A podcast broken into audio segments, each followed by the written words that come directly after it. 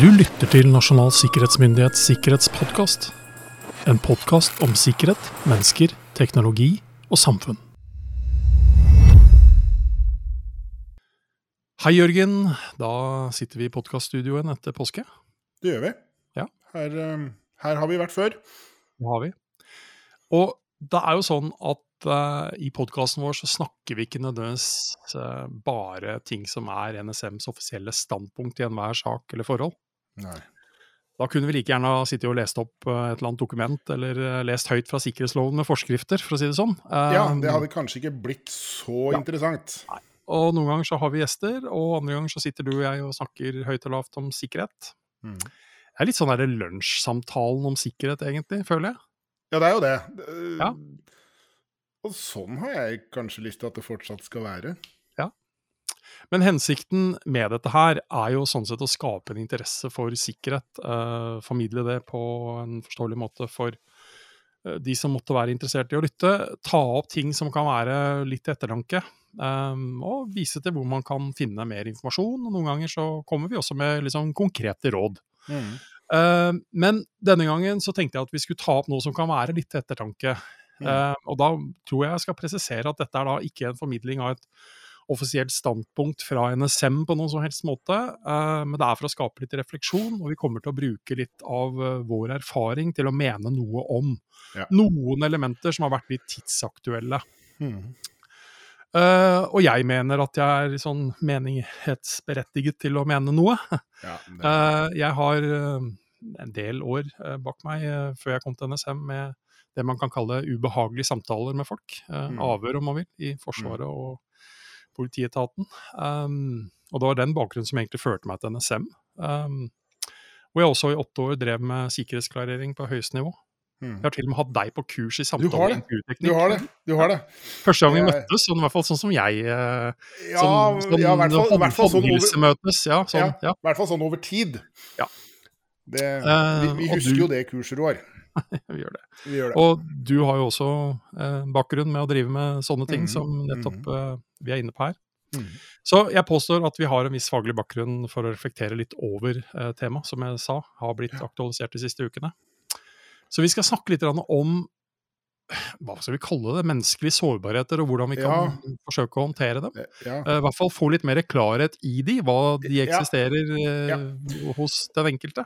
Ja, og det mm, for, for, dette er et litt sånn Dette er et tema som faller egentlig mellom mange jeg håper å si prinsipper eller fenomener.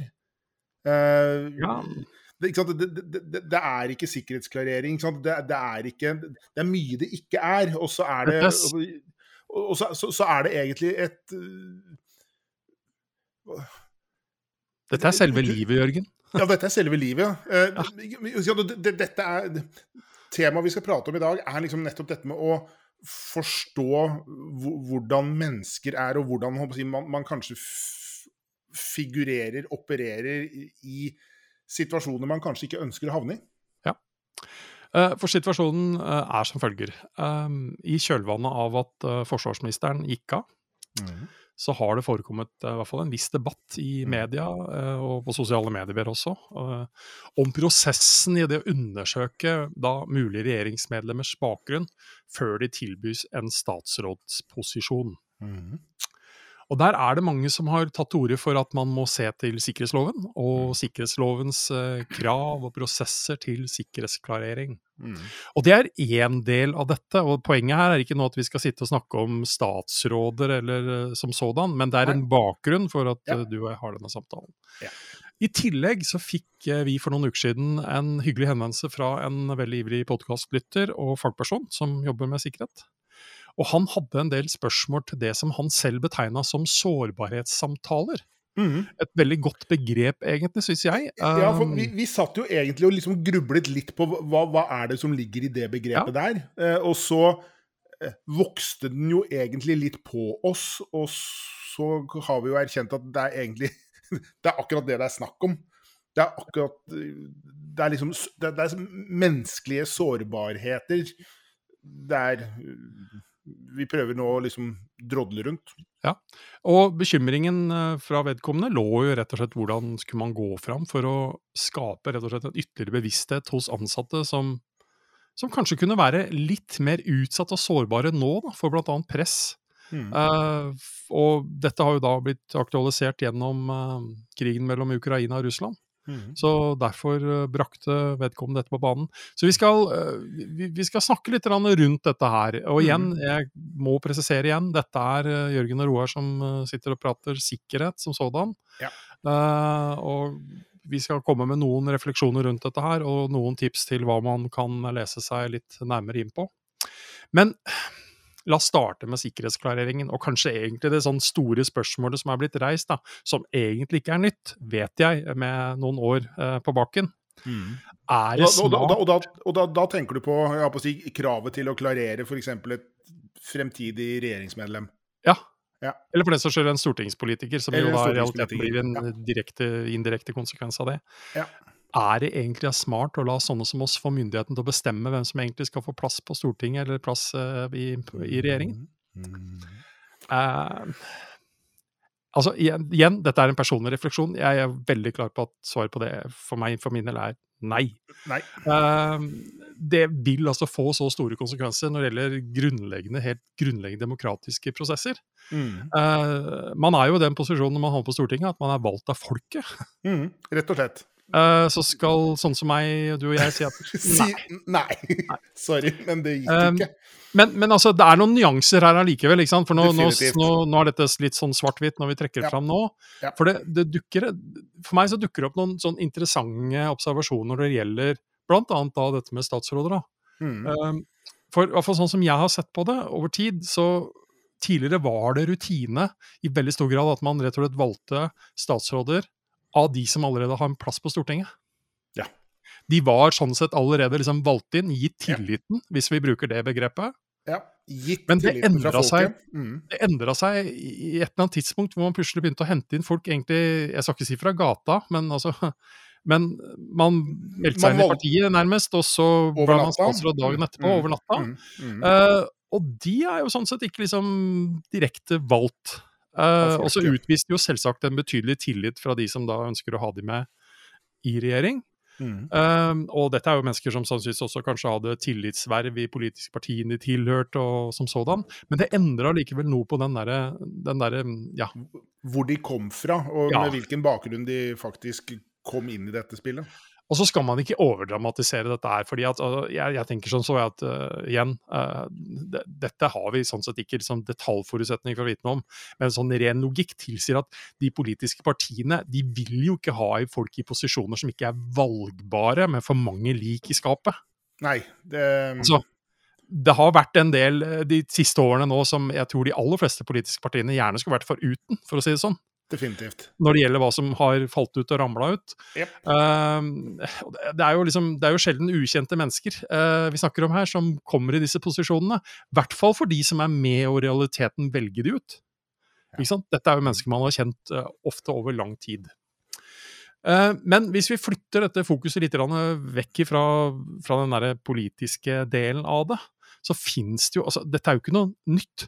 Det fins utrolig mange utvelgelsesprosesser der ute Mm. Mm. rekruttering, ansettelser altså? Altså, Vi kan bruke mange uh, ord på det her, og det er ikke noe tvil om at både PST, NSM, uh, Næringslivets sikkerhetsråd og mange andre har sagt at uh, det er litt å hente på å se på hvem man ender opp med å rekruttere inn Ja. i visse organisasjoner og posisjoner. Og da langt utenfor sikkerhetslovens krav, som i realiteten er veldig sånn juridisk veldig klar, Ja. men, men også i andre posisjoner. Slik at Mm. gode eh, rekrutteringsrutiner og kontrollmekanismer er faktisk ønskelige. Mm. Uh, men, men hvis vi bare allikevel holder den lille greia da, på, på det dagsaktuelle Tror du at en sikkerhetsklareringsprosess, sånn som du og jeg kjenner den, vil ha avdekka alle tenkelige forhold som kan være av betydning? Nei, ikke i det hele tatt. Nei. Altså, det er der jeg opplever at man kanskje også kjører en litt debatt uten at man helt vet hva den prosessen i realiteten er, Ja. hvilke muligheter som ligger der, og hva slags begrensninger som Ligger ligger som der. ligger- ja. Ja, For, for, det, for det klareringsinstituttet er ikke altomfattende. Nei. Det, det, det, det, omhandler jo ikke alt. Fanger ikke opp alt.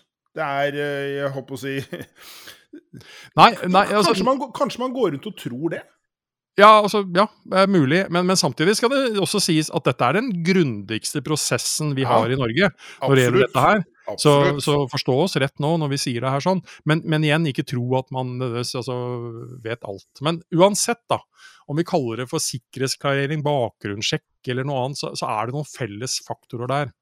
Uh, men bare for å si det, jeg nevnte at dette er anbefalt uh, å liksom mm. tenke over, så er det et veldig god veiledning i, et, uh, i en rapport, dokument om man vil, som heter 'Sikkerhet ved ansettelsesforhold før, under og ved avvikling'.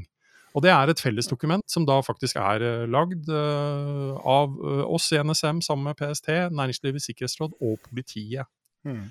Men igjen, uansett hva vi kaller det, det som er sentrale her, det er jo egentlig ordet ærlighet. Ja, hvor ærlig man faktisk er i, si, som omspurt i denne prosessen. Ja, og, og, der ligger det jo litt sånn at igjen, dette her er ikke svart-hvitt når vi sier ærlighet. Hva kan vi forvente? Hva er forholdene rundt det med å være, kunne være ærlig, for å si det på den måten? Ja. Det er ikke noe tvil om at blir du tatt i løgn, så kan det selvsagt ha store konsekvenser.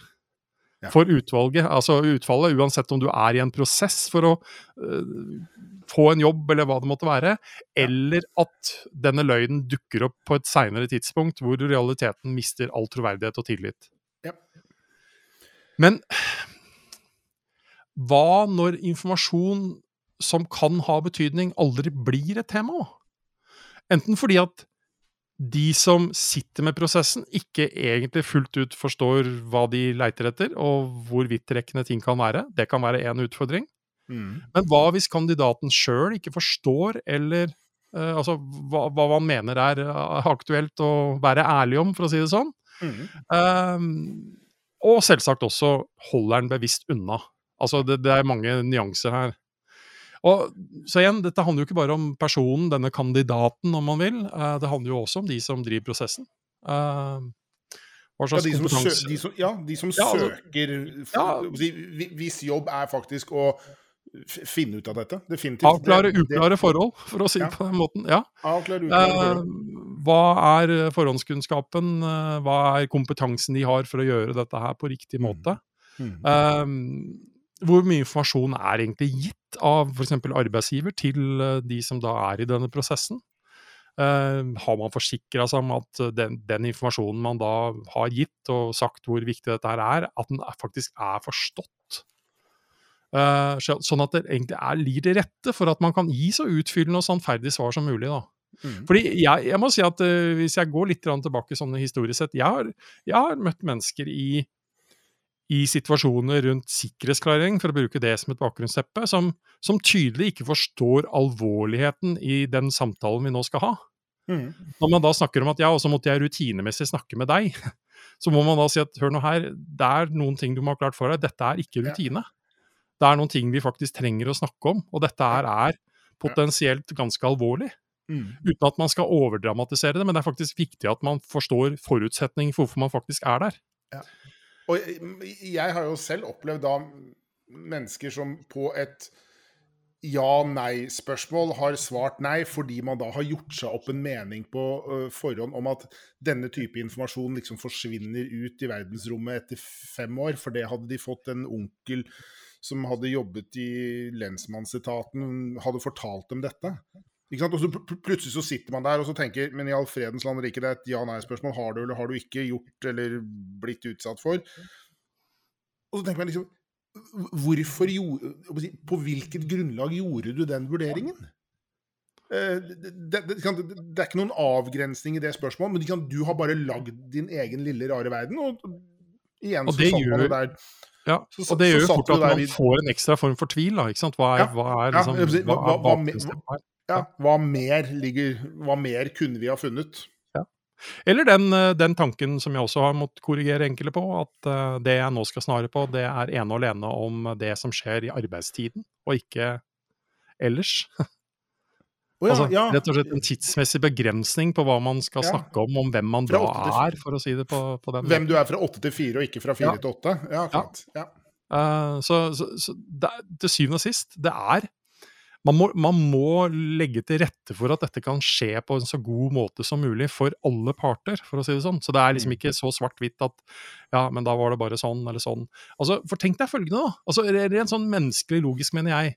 Hvis du Mhm. sitter der, og så noen spør deg fins det andre forhold vi burde vite om som kan hindre at du blir medlem av regjeringen, og som medfører høy lønn, frynsegoder og status? Mm. Altså, det må jo være ekstremt fristende å si nei, selvsagt ikke. Nei, nei, nei, ikke? Man. Er ønsker, man ønsker jo å nå det, det endelige målet, antar jeg, når man er i en sånn posisjon. For det, det, Eh, det er krevende å si 'ja, nå skal du høre'. Ikke sant? Ja, som, og- som, og da var det eventyret over. Og så vil jeg ikke da nødvendigvis si at altså, hvis man da ikke sier at nei, det er ikke noe med det, at man da nødvendigvis lyver. Men igjen så er vi tilbake på under hvilke forutsetninger er det spørsmålet stilt? Stilt. Og har man forstått liksom hva man egentlig er ute etter her? Ja. Altså, jeg, jeg kan huske dialog fra, fra mer sånn avhørssituasjon, hvor, hvor noen påpekte at ja, men vedkommende jeg hadde snakket med, sa jo nei, det var ikke han. Og der måtte vi jo bare stoppe. Men det er jo altså ikke sånn det fungerer. Nei. Eh, fordi eh, når du da har spurt en person eh, hvor var du, sånn og sånn, og man allerede der begynner å lyve, og man har ganske mye informasjon om at, at man har vært til både sted og tid og gjort forskjellige ting, så, så er ikke den samtalen over bare for at personen sier nei, altså. Nei, det var ikke meg. Nei, nei, det var ikke det trenger litt mer dialog til. Så her Dette her er ikke enkle greier. Uh, vi har ikke løsningen på noe som helst måte. Eh, men vi reflekterer litt over det. Er det. Det er ikke noe tvil om behovet for å adressere mange av disse spørsmålene.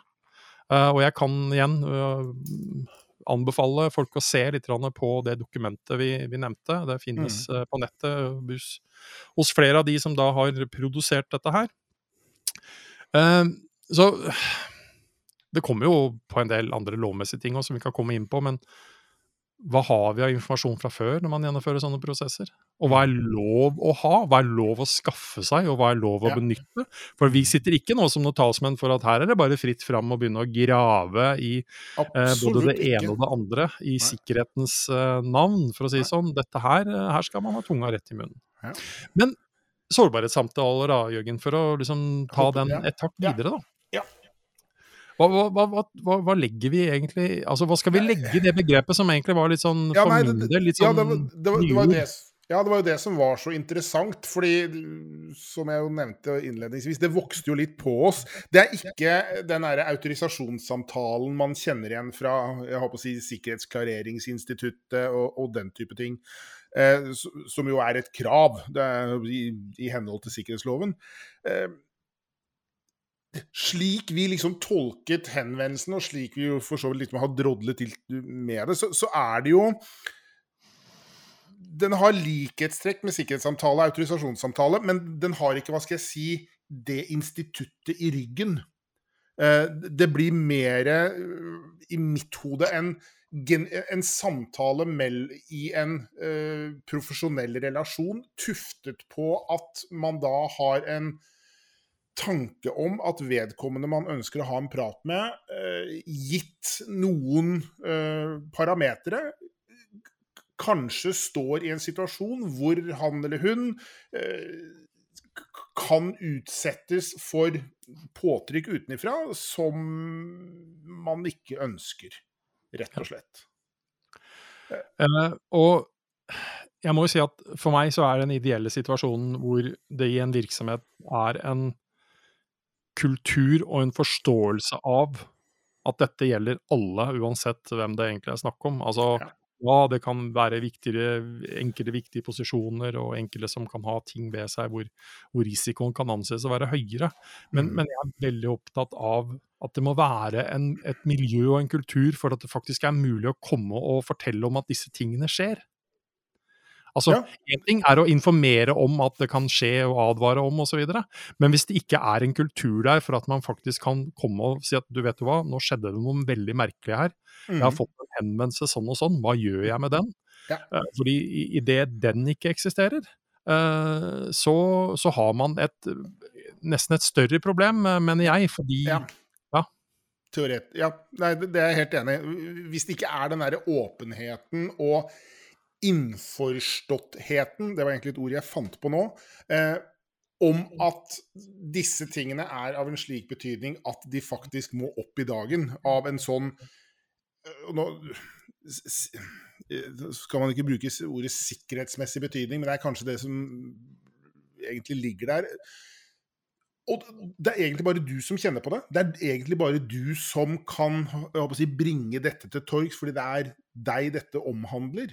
Og det er klart at Hvis man da er, tilhører en virksomhet hvor det da er takhøyde, forståelse, aksept, og ikke minst da et jeg si, Alt er lagt til rette for at jeg faktisk da kan gå til min nærmeste leder og si vet du hva, nettopp som du sa, jeg har fått en henvendelse eh, som jeg oppfatter som problematisk.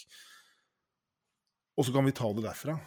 Og Ja, og så- når, når den er gitt, så må det altså eksistere rutiner og, og prosesser i forhold til at dette her er ikke informasjon som skal deles med hvem som helst. Altså, så når vi liksom bruker ord om åpenhet, så er det jo ikke, det er jo ikke en full disclosure vi snakker om her. Altså, Nei? Altså, absolutt her- ikke. Absolutt det ikke. må jo er eksistere altså trygge rammer for hvordan dette her eh, skal gjøres. Altså, om man kaller det sårbarhetssamtaler eller hva det måtte være, om om det initieres fra, den, fra arbeidsgivers side eller arbeidstakers side, dette er ikke samtaler som skal tas rundt kaffemaskinen, for å si det sånn. Nei, Altså, absolutt vi- ikke. vi- Det, skal jeg- gjøres da med største jeg håper å si, Med konfidensialiteten da mellom disse to uh, partene uh, vel ivaretatt. For det er klart at her vil det jo eh, være mulig at det fremkommer informasjon som på ingen måte skal distribueres til mange. Nei. Kanskje noen ytterst få, men definitivt eh, ikke noe som nødvendigvis skal tilflyte store deler av organisasjonen. Absolutt ikke. Og det, igjen, da, i både begrensninger i hvordan, hvor aktivt dette kan gjøres, eh, hvordan det kan gjøres, og hva man skal gjøre med det. Uh, vi har allerede nevnt sikkerhetsloven og sånne ting, men dette, dette havner jo også utenfor akkurat det perspektivet. Eh, vi har eh, arbeidsmiljøloven, eh, vil ha ting, interesser inn i dette her. Mm. Tjenestemannsloven, som er utprega for statens tjenestemenn. Mm. Likestillingsloven. Mm. diskrimineringsloven om etnisitet. Altså Mhm. sånn at igjen, dette er ikke bare noe man skal liksom plukke ut ut ifra ja, på Etter eget måfå eller ja. Nei, etter eget forgodtbefinnende. Det dette er regulert. Og selvsagt så kommer personopplysningsloven eh, inn i forhold til hvordan denne informasjonen også skal håndteres. Men, men igjen, da. Vi, vi er jo på et litt sånn Altså, det vi nevner nå, er jo lover som, som sådan ikke Altså, de regulerer noe, men samtidig så er ikke dette en prosess som er veldig spesifikt satt opp med henvisninger. Ikke i det hele tatt. Eh, så eh, er det smart å ha fokus på dette her? Igjen kommer jeg tilbake til det. Selvsagt er det det. Må man vite hva man driver med, og finne sin måte å gjøre det på, uten tvil. Absolutt. Uh, og her skal ikke vi da igjen sitte og liste opp uh, mange ting som denne må være på plass, men uh, ja, jeg håper man forstår hva vi, hva vi mener allikevel. Og så er det noe vi var inne på da, sånn avslutningsvis rundt dette her, fordi litt av Litt av hovedbekymringen i det store og hele, som også har vært oppe i debatter osv., er jo dette med pressgrunnlaget. Hemmeligheter, rett og slett. Mm.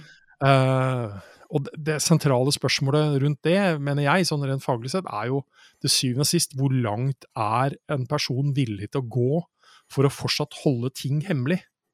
Altså, som er stigmatiserende, flaut, Ja. uh, kompromitterende, altså i ulike, ulike settinger. Ja. Og det er liksom ikke nødvendigvis Det er ikke så lett å så si at ja, men det gjelder bare sånn eller sånn, fordi jeg har alltid brukt et eksempel som er egentlig et håpløst eksempel, men hvis jeg var flau for å kjøre et eller annet bilmerke er Håpløst å være det, fordi man kjører det jo, man viser det jo fram, egentlig. Eh, men du skjønner allikevel hva jeg tenker på. Eh, hvis jeg var flau over at jeg kjørte den og den bilen, Mm. så er det også et potensielt pressgrunnlag ut ifra hvor langt er jeg villig til å gå for å, liksom, Ja, ja. For å holde det fortsatt Mm. hemmelig, da, selv om ja. Roar, hvis ikke du skaffer meg en bunt med gulrøtter, så kommer jeg til å fortelle hele verden at du kjører Mhm. Ja. Ja. Nei, det, Men det er jo derfor vi også snakker om denne åpenhetsgreia, for den, den tar jo øh, Lyset og åpenheten tar jo kverken på veldig mye hemmeligheter, som igjen da fører til at øh, selve pressgrunnlaget rundt mange av disse tingene i realiteten forsvinner, da. Ja, det man faktisk er åpen om, Ja. eh, kan du liksom ikke sette under press igjen. Da, da er jo katten ute av sekken. Eh, Samtidig så kan det få andre konsekvenser, ikke sant, å være åpen om det eh, som sådan, men, men den der press, eh, pressgreia, den Mm. blir i hvert fall litt minimalisert. Mm. Eh, og så har vi alle noe vi kan presses med, for vi har jo mennesker vi er glad i, som vi bryr oss om rundt oss osv. Så, så, men det er noe så mer sånn grunnleggende som vi alle har. Men, men erkjennelsen av at vi Som mennesker så er vi sårbare. Dessverre så er det krefter der ute som eh, utnytter de sårbarhetene ganske kynisk. eh, I små og store porsjoner. Så dette er til syvende og sist et veldig sånn vanskelig tema eh, som, som krever mye kunnskap. Um, til og sist snakker vi om vurderinger av menneskers innerste drømmer og følelser Mm. og opplevelser, og det, det er Ja. ikke noe man skal ta lett på, altså. Nei. Og så handler jo dette da også om dette jeg fabelaktige begrepet tillit. Ja. Eh, hvor mye tillit skal man faktisk utvise overfor enkeltmennesker? Eh, hvordan bygge tillit? Eh, hvordan opprettholde tillit? Ja. Um, Og den tilliten slår jo også egentlig begge veier, da, fordi igjen, da, det- det- det Idet du da får et misfornøyd arbeidstaker som da verken opplever å være lojal lenger, øh, av ulike grunner, fordi kanskje for den saks skyld arbeidsgiver ikke har vært særlig lojal tilbake. Mm. Altså, ikke sant? Det er et godt arbeidsmiljø skal man ikke undervurdere som et godt sikkerhetstiltak, for å si det på den måten. Nei, og det, det er jo faktisk noe vi har sagt flere ganger. At Det er klart. Det, det, er vel kanskje ikke et tiltak i verden som er- det, det er bløff, men det er klart det er det. Men man skal definitivt ikke undervurdere hva et godt arbeidsmiljø og hva fornøyde medarbeidere faktisk er i stand til å få til. Og hvilken raushet og hvilken tillit man faktisk da kan vise hverandre. Både si, horisontalt, men også da i, i, i vertikalen i en virksomhet. Og øh, rett før påske så ble jeg utfordra til å stå på scenen og snakke litt om zero trust. Men ikke bare i et sånt teknologisk perspektiv, men liksom en utvida perspektiv. Uh, og Zero Trust er jo noe som har vært et uh, veldig sånn digitalt uh, begrep den Mhm. senere, senere tid, og vi har hatt dedikerte podkastepisoder om Zero Trust som sådan. Mm. Men for meg så er Zero Trust en mentalitet. Mm. Fordi altså, Zero Trust, null tillit, hvis vi bare oversetter det. Mm. Du kan, ikke, du kan ikke gå rundt og fungere som en virksomhet, eller for den saks skyld i privatlivet ditt, og overhodet ikke ha tillit til noen. Noen må du faktisk stole på. Ja. Men det er prosessen fram til det at du faktisk skal stole på, vi egentlig snakker om her. Mm. Uh, og og det, er jo, det er jo der man da kanskje ser at det finnes noen forbedringspunkter på hvordan noen av de tillitsbyggende prosessene faktisk da gjennomføres. Da. Det er vel faktisk egentlig kanskje konklusjonen rundt i hvert fall noen av de sånn tidsaktuelle spørsmålene som har vært oppe, og hvordan man ender opp med å løse det. Eh, det skal ikke jeg ha noen formening om, men at det er forbedringspotensial der, uten tvil.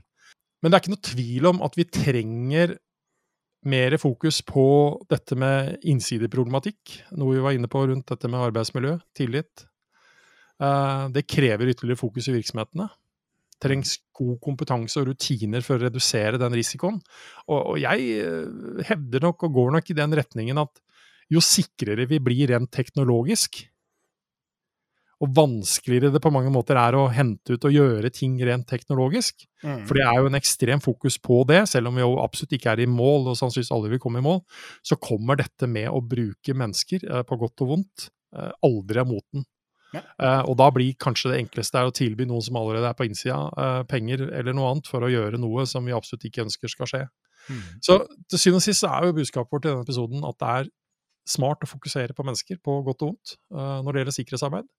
Og kort og godt, dette er ikke noe man bare løser ved teknologi aleine. Dette er heller ikke noe man løser ved å, ved å sette opp et digitalt søk på en eller annen person, og sånn sett skulle gjøre seg opp en oppfatning om denne personen eh, er til å stole på eller ikke. Det trengs noe mer enn det. Det trengs betydelig mye mer enn det. Det trengs uh, en ganske krevende prosess, som er jeg, krevende for dem som skal gjennomføre den. Den er krevende for dem som dette skal gjennomføres på. og det, det er igjen den her tilliten og ikke minst liksom, forståelsen for at dette er nødvendig. Dette er faktisk viktig for noe mer enn bare deg og meg. Det er viktig liksom, for, for organisasjonen vår og dem som er avhengige av oss. Ja. Og vil man vite mer om uh, på mange måter det som er litt rundt dette her, så, så eksisterer altså NSMs grunnprinsipper for personellsikkerhet mm -hmm. uh, som én uh, av fire grunnprinsipper. Og de mm. finnes altså tilgjengelig på våre hjemmesider. Um, jeg har vel egentlig tillit til at du og jeg dukker opp i en eller annen form, enten sammen eller hver for oss, i neste uke også, i en ny podkastepisode, Jørgen. Hva tror du om det? Jeg tror du har helt rett i det, og jeg stoler på at det du sier er helt korrekt, Roar.